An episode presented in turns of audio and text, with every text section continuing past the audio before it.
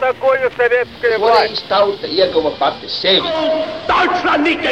Liktenīgas nejaušības un slēptas likumsakarības, subjektīvas patiesības un objektīvi aizspriedumi. Pēc atkušņa nekad nenāk uzreiz pavasars, bet sākās Arī šodien cilvēki ir ļoti tuvredzīgi. Viņi redz to naudu, kas ir Televīzijā jau pamatā notiek cīņa par varu. Pagātne no šodienas skatu punkta un šodienas caur pagātnes prizmu. Raidījumā šīs dienas acīm. Latvijas radio eterā Eduards Liniņš. Labdien, cienījamie klausītāji! Mūsu šodienas temats ir Balkānu kari. Mans sarunbiedrs studijā - profesors Ilgvars Butulis. Labdien! Labdien!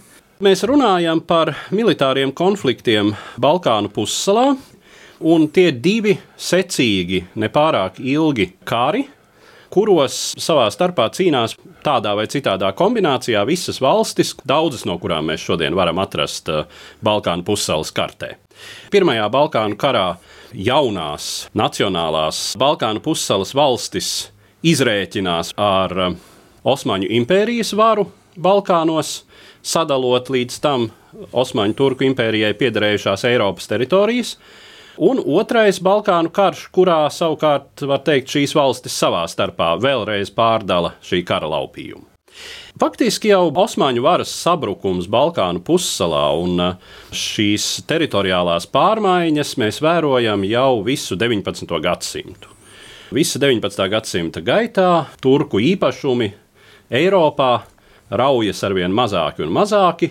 Līdz ar to šķiet, ka Balkānu kara ir uh, tāds diezgan loģisks noslēgums šim procesam. Redziet, ir tā, ka, protams, nacionālas valstis, viņas pēc definīcijas un varbūt pēc tās savas vēlēšanās ir, bet tajā pašā laikā šajās valstīs ir ārkārtīgi liels etnisks raibums, kas nosaka mm, nu, tādu diezgan jau iepriekš sarežģītu situāciju. Un ņemsim vēl vērā, kas tad ir galvenie šie konflikta perēkļi. Ja Balkāni ir pulvera muca, tad šīs mucas deglis ir Maķedonija. Un Maķedonijā, tā laikā, kas ir galvenā strīdīgā teritorija, dzīvo nu, maķedonieši, maķedonijas slāvi, kas paši e, nezina, un neviens īsti nezina, kā viņus definēt. Valodiski ļoti tuvu. Protams, valodiski tuvu Bulgāriem, bet uh, dzīvo arī ebreji, dzīvo turki, dzīvo albāņi, dzīvo grieķi. Tieši varbūt šis Maķedonijas jautājums ir jau ārkārtīgi gas jau kopš 19. gadsimta beigām, un uz Maķedoniju pretendē gan Grieķija, gan Bulgārija, gan arī Serbija.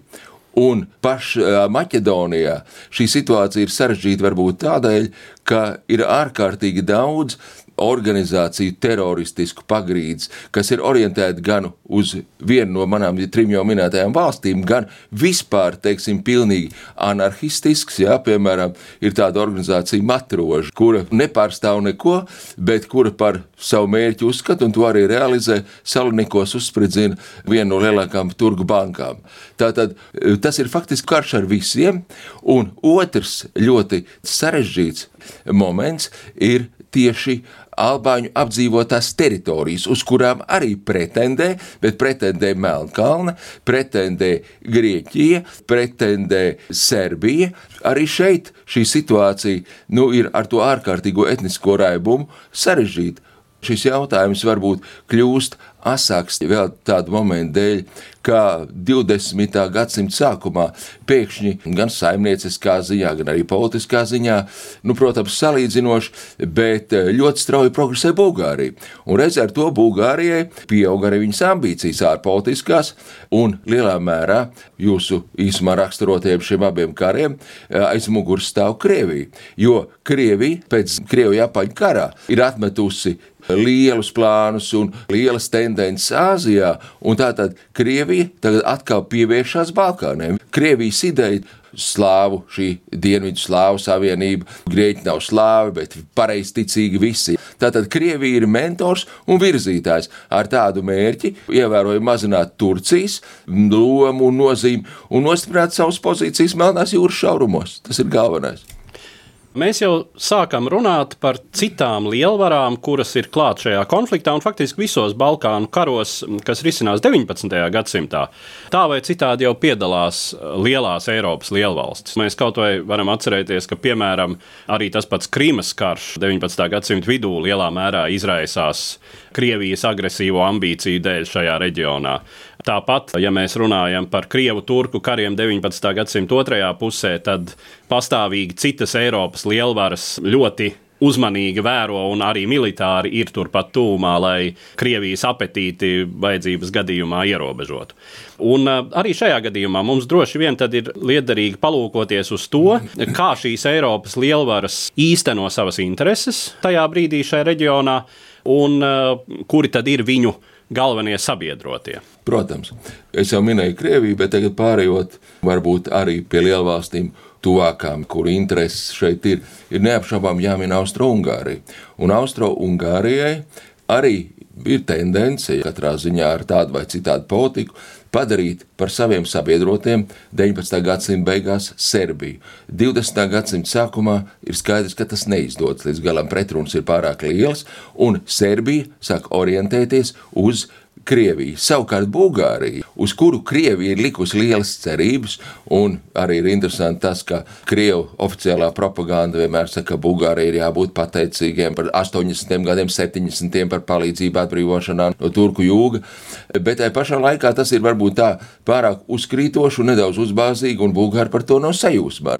Protams, ir šīs kopīgās intereses, bet arī šīm kaimiņu valstīm mazajām jā, ir ļoti daudz pretešķību, un Austro-Ungārija faktiski cenšas lielā mērā par savu padarīt arī sabiedroto, un tas arī faktiski izdodas Bulgārijai, izmantojot tās pretešķības. Savukārt gan Austro-Ungārijai, gan Vācijai, kā pretsvars Krievijas interesēm, protams, eh, sabiedrotais ir Turcija.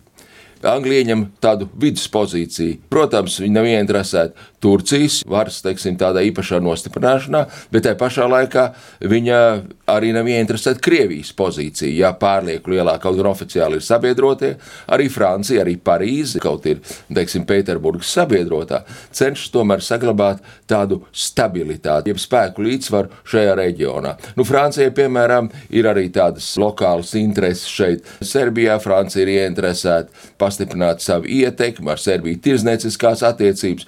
Vēl jāpiemina, ka sākot ar 1910. gadu arī sāk iesaistīties Amerikas Savienotās valstis, sāk paust, ka viņām arī ir savas intereses šajā reģionā. Turcijas armiju organizē un pārabruņo Vāciju ar vācu ģenerāli Līmanu von Sanders priekšgalā. Pēc tam arī jau šais karos viens no padomniekiem ir mums pazīstams uzvārds Fondergolds, tikai tas ir cits Fondergolds. Tas nav Rīdigers, bet tas ir Kolmārs Fondergolds.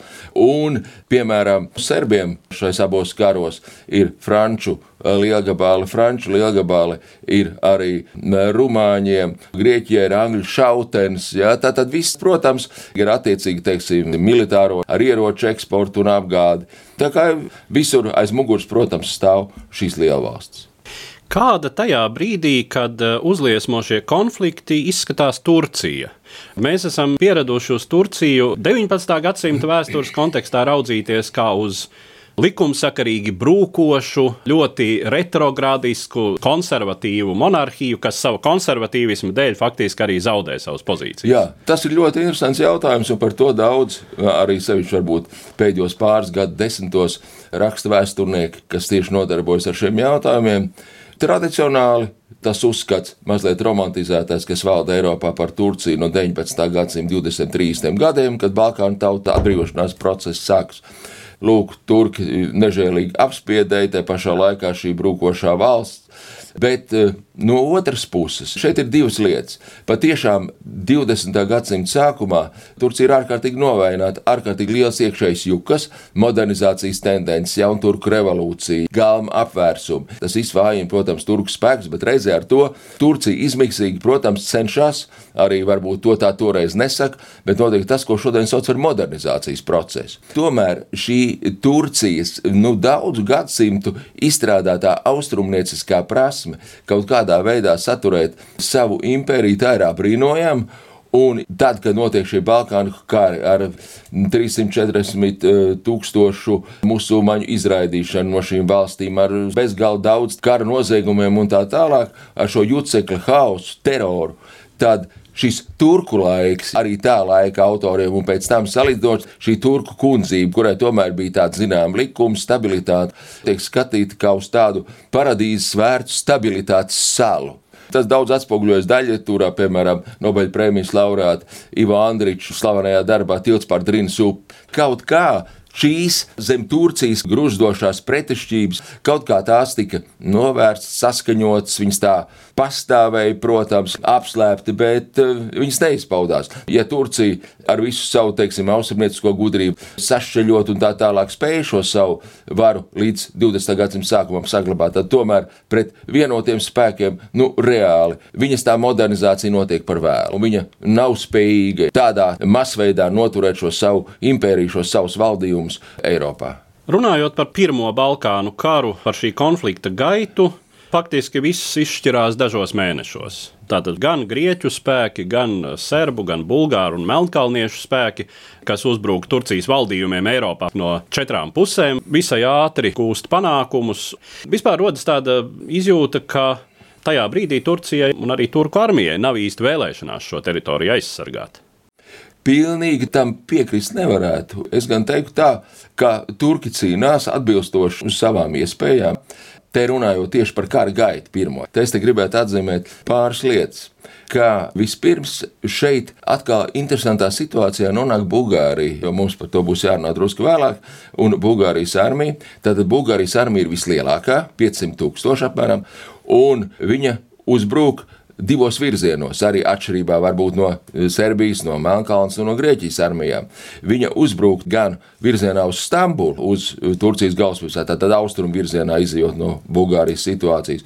Un uzbruk dienvidu, dienvidu rietumu virzienā, tātad Maķedonijas virzienā. Mērķi iziet uz Egejas jūru, Tā pašā laikā Bulgārijas armijas komandieris ir tāds vecīgs ģenerālis Savovs ar Pēterburgas kara akadēmijas izglītību. Nu, neslikts, bet jau krietnos gados un varbūt tāds bez iniciatīvas. Un lielā mērā viņš šo, kā Bulgāru vēsturnieks raksta, uzvaru iespējamo, jo Bulgārija atrodas 35 km no Stambulas. Jau iet runa par to, ka tūlīt, tūlīt saskatīs jau Stambulas tonis Bulgāru virsnieks savos binokļos, bet uh, viņš ir neizdarīgs ar vārdu sakot, nu, lietojot tādu primitīvu vārdu, viņš muļājas. Un uh, Bulgāri neaiziet līdz galam šajās cīņās.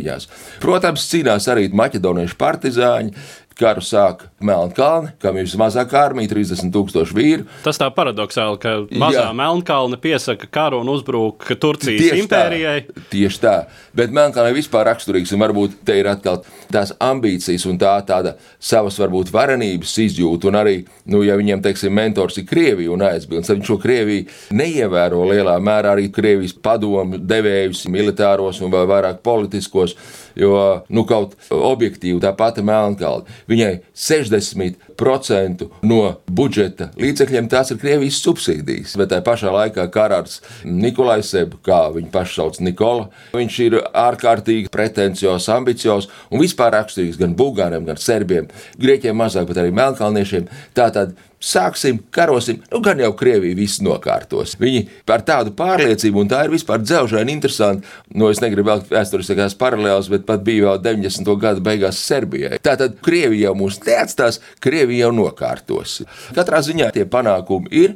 Pirmā kara gaita ir diezgan sarežģīta tādā veidā, ka karš ir divos posmos. Ir 12. gadā, un tad jau sākas Londonas konference, ja, kurā spriež, kādi tie rezultāti un ko darīs.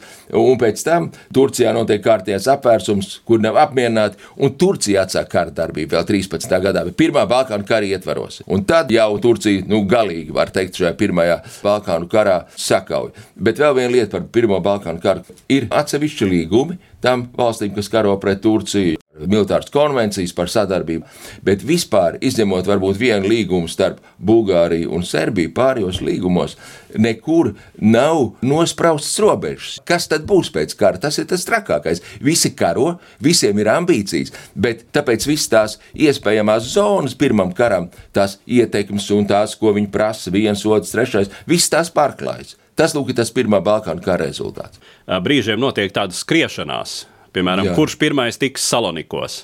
Bulgāri vai grieķi? Grieķiem izdodas tikt pirmajiem. Eh, Tajā laikā Bulgārija arī visnotaļ pretendē uz šo. Protams, teritoriju. jā.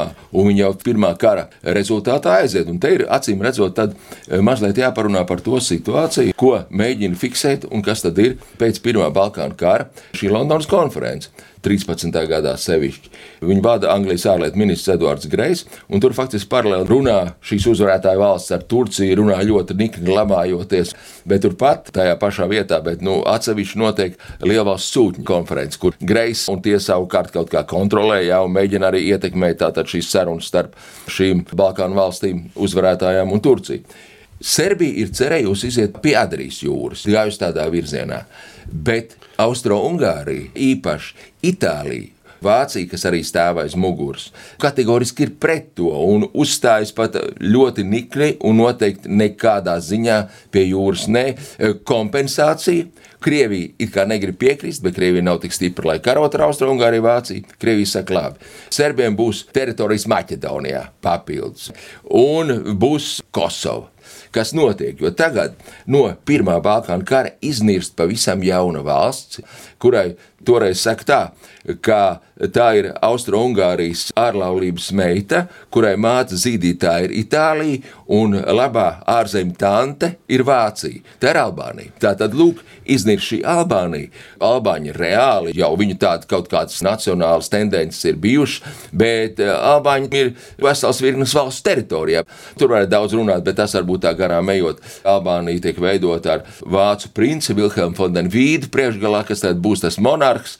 Tas ir Prūsijas armijas kapteinis. Savukārt, Rumānijas karaliene viņa krustmāte. Tur viss tās dinastiskās attiecības. Bet nu, viņš noturās līdz 1914. gadam, un tad jau arī saka, ka viņš noturējies ļoti ilgi Albānijas valstī nesakārtotajos apstākļos. Anglijas ārlietu ministram Edvardam Grējam 13. gada maijā apnīks, un viņš izvirs 24 stundu ultimātu. Vai nu jūs beigsiet, es atvainojos, kasīties un noslēgsiet kaut kādu vienošanos, nu tā tad noslēdz. Bet šīs vienošanās rezultātā ir tā, ka galvenokārt kontrolē Serbi un Grieķi šo Maķedonijas teritoriju. Un tagad Bulgārija pieprasa šo Maķedonijas, kā arī nu savu, jā, to, kas viņai no apmēram tā pienācās. Bet savukārt Serbija un Grieķija nu, negatavojas to dot. Te ir tas faktiski lielā mērā, varbūt Austro-Ungārijas un Vācijas arī uzvar, ka viņi tā tad ļoti labi aizvirzīja lūk, šo Serbiju uz Maķedoniju. Un reizē ar to jau ir automātiski ļoti liels pretruns, kas jau tā pastāv, bet tagad viņas gan arī neatrisināms starp Bulgāriju no vienas puses un Grieķiju un Serbiju no otras puses. Nu, tāda ir tā situācija, un jau faktiski, kad ir šī Londonas konferences noslēgusies, jau ir momentā izveidota savienība, daļa ir slepens pielikums, militārā konvencija starp Grieķiju un Serbiju pret Bulgāriju. Kā sākas otrais Balkānu karš? Ja Pirmā Balkānu karā Bulgārija, armija un tauta nu, iet ar tādu ļoti lielu pacēlumu, patiešām tāds patriotisks. Otrajā karā vienkāršā tauta, nu, sabiedrība plašā nozīmē, pacēluma nav nekāda. Un tas ir valdošās elites karš, varbūt militāro aprindu karš arī, bet reizē ar to tas ir pretstats arī Serbijai. Serbijā ļoti teiksim, izteikti ir tautas un armijas vienība, un tas pacēlums otrā karā ir arī ļoti liels. Bulgārija sāk uzbrukumu pēc jaunās 30. jūnijas 1913. gadā.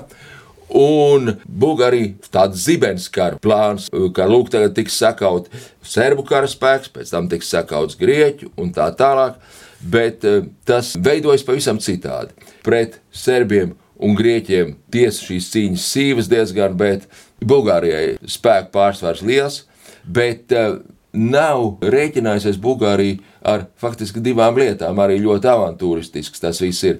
Ka pēkšņi ir atjēgusies Turcija, ka Turcija var to izmantot un no savu viedokļu saprātīgi Turcija atsāk uzbrukumu austrumos. Un atspiež tā tad, nu, neteiksim, tajos sākuma izejas pozīcijās, bet atspiež jau Bulgāriju, nu, zināmā attālumā jau tālāk no Stambulas, tālāk no saviem dzīvības centriem. Nu, faktiski līdz robežai, kura šobrīd ir Turcijas robeža jā, Eiropā. jā, var tā teikt. Kas vēl ir otrs, kā Rumānija, kura Londonas konferencē mēģināja izvirzīt lielvalstīm, lielvalstu sūtņiem savas prasības, ka nu, viņai vajag kaut kādu kompensāciju Rumānijai par to, ka Pirmā Balkānu karā viņa bija neitrāla. Protams, šīs Rumānijas vēlmes neviens pat nebija gatavs uzklausīt, viņi vienkārši padzina pēc būtības no šīs konferences, bet tā pašā laikā, tad, kad ir šis otrais karš, Rumānija jūtas Nu, arī viņiem 350 tūkstoši vīri liela armija, Bulgārijas aizmugurē un Rumānijas sens sapnis ir tātad iegūt Dienvidu Dobrūģi, jā, lai tur tā noapaļot ap Donavas upi šīs savas teritorijas. Un Rumānijas armija iet Bulgārijas teritorijā. Tātad Bulgārijai reāli ir jākaro pret četrām armijām. Bulgārija jau karojot ar Grieķiju sākumā un ar Serbiju saprot, ka varbūt ir pārsteigusies, grib noslēgt pamieru, bet nepiekrīt šīs valsts pamieram. Un lūk, faktiski apmēram viena mēneša laikā šis karš beidzas ar Bulgārijas sakāvi. Tātad šī visspēcīgākā 12. gadā, pavisam salīdzinoši nesen, šī valsts, kas pretendēja uz šo lielāko kumosu, tiek sakauta. Ja viss paliktu tā, kā tas bija pēc Pirmā Balkānu kara, tad mums šodien būtu ļoti liela Bulgārija. Būtu Bulgārija liela ar izēju ne tikai pie Melnās jūras, bet būtu arī ar izēju pie Egejas jūras. Tas tā varētu būt. Otrā Balkānu kara rezultātā Balkānos izveidojas lielā mērā tās robežas, kuras mēs tur redzam arī šodien. Jā, ne tikai robežas. Interesanti, ka otrā Balkānu kara rezultātā pēc būtības tādas domas, ka lūk, tiks sakaut Turcija, šīs nacionālās valsts nostiprināsies. Pēc būtības neviens jau šis sarežģītais drošības jautājums, ja mēs tā šodienas terminoloģijā sakām, nekas jau netiek atrasināts. Viss kļūst vēl sarežģītāk. Jo, ja mēs tā pavisam īsi par atsevišķām valstīm, Serbija. Serbija tagad izvirza viennozīmīgu spēku politiku par savu tādu galveno, un attiecībā uz Albāņiem, piemēram, Kosovu pievienot un dzīvo jau ļoti liels skaits, gan arī miljonus dzīvo toreiz, jā, arī Serbijas teritorijā. Un ko saka Serbijas premjerministrs Pašičs toreiz? Konservators, bet varbūt vēl ne no visstrakākajiem. Bet viņš saka tā, ka mēs albāņus asimilēsim. Ja albāņi pretosies, mēs viņus izsūtīsim. Ja viņi pretosies izsūtīšanai, mēs viņus likvidēsim. Oficiāli tā, tā ir etniska politika, varētu teikt, no šodienas viedokļa tāds etnocīds vēršanās pret kādu vienu noteiktu nāciju. Un vēl šodienas serbu vēsturnieki saka tā, toreiz radās divas problēmas. Ja serbi arī karavīgi līdz tam pretendēja uz serbu apdzīvotām teritorijām, tad tagad pievienojot ābāņu teritorijas, tātad svešas, neserbisks, mēs paši sev uzkrāvām kaklā milzīgu, izjūt no šodienas sapratnes no Kosovas, mēs uzkrāvām sev kaklā milzīgu slogu. Bet otrs, kas ir, ar ko Serbija ļoti bīstama, jo, ja mēs runājam par otrā Balkānu kara rezultātiem, tad te jau ir Pirmais pasaules karš.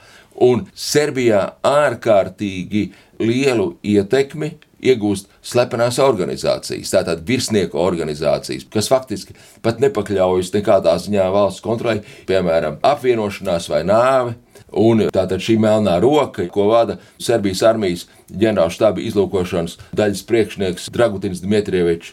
Viena lieta, ka viņi ir, teiksim, varbūt tādā serbijas nacionālistiski, bet viņi ir tendēti uz totālu teroru. Un viņas upuru sarakstā, kas ir jālikvidē, ir eh, Bulgārijas cars Ferdinands, nu, protams, Francis Ferdinands, troņmantnieks, Austro-Ungārijas erchercogs, kur likteni mēs zinām. Protams, tur ir arī Grieķijas karalis Konstantīns, un tur ir arī pat uh, Melnkalns karalis Nikolais. Tas ir absolūts terors un absolūti teiksim, tāda nedrošības salas šīs organizācijas, varētu teikt, trakās un neregulējamās. Būtībā var teikt, ka Serbija tajā brīdī kļūst par tādu Eiropas huligānu. Jā, tā var teikt. Kaut gan otrs puses, tā tradicionālā, varbūt krieviskā historiografijā, ir tā, ka skatoties no pirmā kara, ka vienīgai no Serbijas puses karš bija taisnīgs. Šeit arī, protams, lielvalsts noteica daudz ko, un te nevar tā izšķirt, kurš labāks, kurš sliktāks, bet nevar arī attaisnot, piemēram, Serbijas, nu, klai avantūristisko politiku un bezatbildīgo. Protams, mēs varam runāt par to, ka varbūt ietekmi un lielvalstīm tomēr ir lielāka spēka, bet šeit šis jautājums, protams, sarežģīts. Ja mēs tālāk skatāmies, kāda tad otrā Balkāna kara rezultāti attiecībā uz Bulgāriju. Bulgārija ir cietusi zaudējumu, Krievijas galvenais sabiedrotājs ir kļuvusi Serbija. Un šādā situācijā Bulgārija augst revanšu. Un, lai šo revanšu realizētu, un lai cīnītos pret Serbiju, pret Grieķiju, notiek Bulgārijas vēl ciešāk savienība ar Vāciju un ar Austro-Ungāriju. Tātad Bulgārija ir šo valstu sabiedrotais. Ko, protams, ja arī Austro-Ungārija un Vācija lieliski izmanto, jo faktiski arī pat otrā karā Austro-Ungārija un sevišķi Vācija radīja tādu ilūziju Bulgārijai, ka pamatīgi palīdzēs. Jūs tikai sākiet. Bet nu, tā palīdzība, protams, ar padomniekiem, ar teiksim, ieročiem, tas jau viss tā. Bet eh, ne jau palīdzība vai ar karaspēku, vai ar kaut kādām militārām aktivitātēm, bet Austro-Ungārija un Vācija šai ziņā dāvā un savu, ka Bulgārija kļūst par viņu sabiedroto. Savukārt Krievija. Krievijas intereses Balkānos ievērojami cietušas. Krievijas proponētā šī Balkānu savienība, Krievijas kontrolētā tādas nav. Un interesanti ir arī kā mainās Rumānijas nostāja. Jo Rumānija, nu tāpēc līgumiem līdz 20. gadsimta sākumam un drusku pēc tās vispārējās formālās orientācijas, piesaistīta Austro-Ungārijai. Tāpēc, ka lielā mērā varbūt Austro-Ungārijas teritorijā ir Rumāņu apdzīvotā Transilvānija, un tas zināmā mērā Rumānijai ir tāds kā lokus uz Eiropu, tāds kā kultūras centrs. Un to Austrumgārija attiecīgi izmanto, lai šo savu ietekmi kaut kā stiprinātu. Nu, neaizmirsīsim, ka arī Rumānijā dzīvo tradicionāli jau tajā laikā vācieši, dzīvo daudz vāciešu, un tie ir izglītoti, ieņem diezgan nopietnus amatus. Bet tagad eh, Rumāņi redz, ka Bulgārija, tātad šie viņu pretinieki, tie tagad ar Austro-Ungāriju un Vāciju uz vienu roku, savukārt Rumānija tagad Viņi grib Transilvāniju sev pievienot, apetīti jau gēdot, Dobručs tagad ir dienos, bet Transilvānija pieder Austro-Ungārijai, nu, kas var palīdzēt, Antant. Tātad Rumānija neskaļi, bet pēc būtības jau sāk orientēties uz Angliju, Franciju, uz Krieviju. Interesanti arī, ka šos karus latviešu valodā nav īsti tāds vārds, vācu vēsturnieki sauc par Štelfertretungs krīgē, aizvietošanas kari, lai neiesaistītos lielā karā. Tā tad notiek aizvietošanas karš, ir zināmā mērā tāds erzats karš, bet tas ir ļoti bīstami. Un šie divi Balkānu kari, aizvietošanas kari, viņi jau nenovērsa Pirmā pasaules kara izcelšanos. Varbūt vēl vairāk pastiprināja sarežģītās pretrunas, kādas šeit veidojās. Droši vien, ka tas arī ir jautājums, ar kuru mums būtu šī saruna jānoslēdz. Cik lielā mērā Pirmā pasaules kara izcelšanās un tieši Balkānos izriet no šo divu Balkānu karu rezultātiem? Tiešā veidā tā ir ļoti ar to saistīta, jo kur karš sākas. Eiropā ir pretrunas. Tā laikā starp vienu lielu valsti, otro starp trešo, starp lielu valstu blokiem un tā tālāk. Bet kur šīs pretrunas ir vissarežģītākās, visasākās. Tas ir Balkānos. Tās nav, piemēram, uz Francijas-Vācijas robežas vai Polijā, un ņemot vērā gan tās vēsturiskās tradīcijas, mazo valstu, teiksim, šīs ambīcijas, šo nesakārtotību, un ko arī pēc Pirmā kara neiet runa varbūt tik daudz par vēsturniekiem, bet, nu, teiksim, diplomāti, atmiņa autori raksta par to, ka pirms pirmā kara un šajās konferencēs Londonas, ka lielā mērā jau lielvalstis sadalīja Balkānos, kas uzvarētājiem, kas ne, absolūti ignorējot nacionālo principu, etnisko principu, ka tas pilnīgi neinteresēja. Iet runa par to, kas ir izdevīgi attiecīgā momentā lielvalstīm, par ko viņas vienojas, jo šo tautu intereses un lai viņas būtu kompakti un tā tālāk, tas jau vispār netiek ievērots. Un dabiski tas jau ir lielā mērā arī tā konflikta pamats šādu interesu neievērošanu. Otrā Balkānas kara nobeigumā notiek Bukarestas konferences. Rumānija uzvarētāji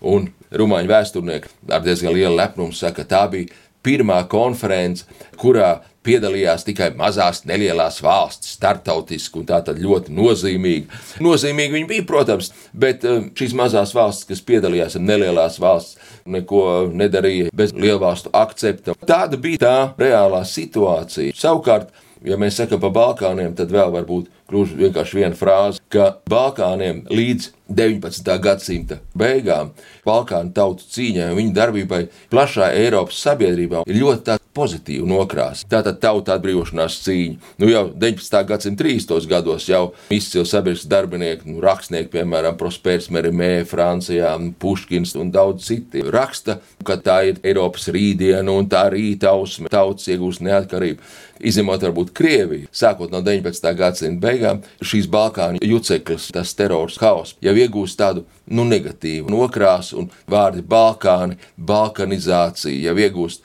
tādu, nu, ja ne lēmu, tad katrā ziņā negatīvu apzīmējumu nokrāsu. Droši vien to arī var secināt, ka, protams, tā ir Eiropas rītdiena no tā viedokļa, ka veidojas šīs nacionālās valstis, impērijas sadalās bet tas nenozīmē, ka visas problēmas atrisinās. Ar tādiem secinājumiem mēs arī varētu noslēgt mūsu šodienas sarunu.